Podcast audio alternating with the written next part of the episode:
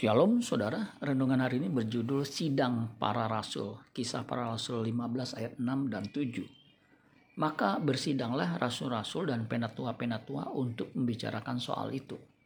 Sesudah beberapa waktu lamanya, berlangsung pertukar pikiran mengenai soal itu. Berdirilah Petrus dan berkata kepada mereka, Hai saudara-saudara, kamu tahu bahwa telah sejak semula Allah memilih aku dari antara kamu, supaya dengan perantaraan mulutku bangsa-bangsa lain mendengar berita Injil dan menjadi percaya.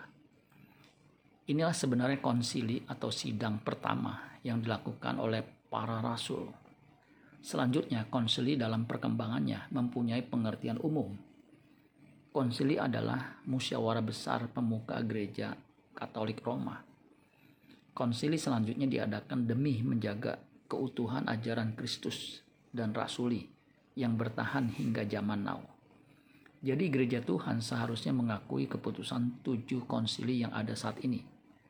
Dalam sejarah kekristenan, tujuh konsili ekumenis pertama meliputi konsili Nicea pertama pada tahun 325, konsili Konstantinopel pertama pada tahun 381, konsili Efesus pada tahun 431, Konsili Kalsedon pada tahun 451, Konsili Konstantinopel kedua pada tahun 553, Konsili Konstantinopel ketiga dari tahun 680 sampai 681 dan akhirnya Konsili Nikea kedua pada tahun 787. Ketujuh peristiwa ini mewakili upaya para pemimpin gereja untuk mencapai konsensus ortodoks, memulihkan perdamaian, dan mengembangkan susunan Kristen yang bersatu.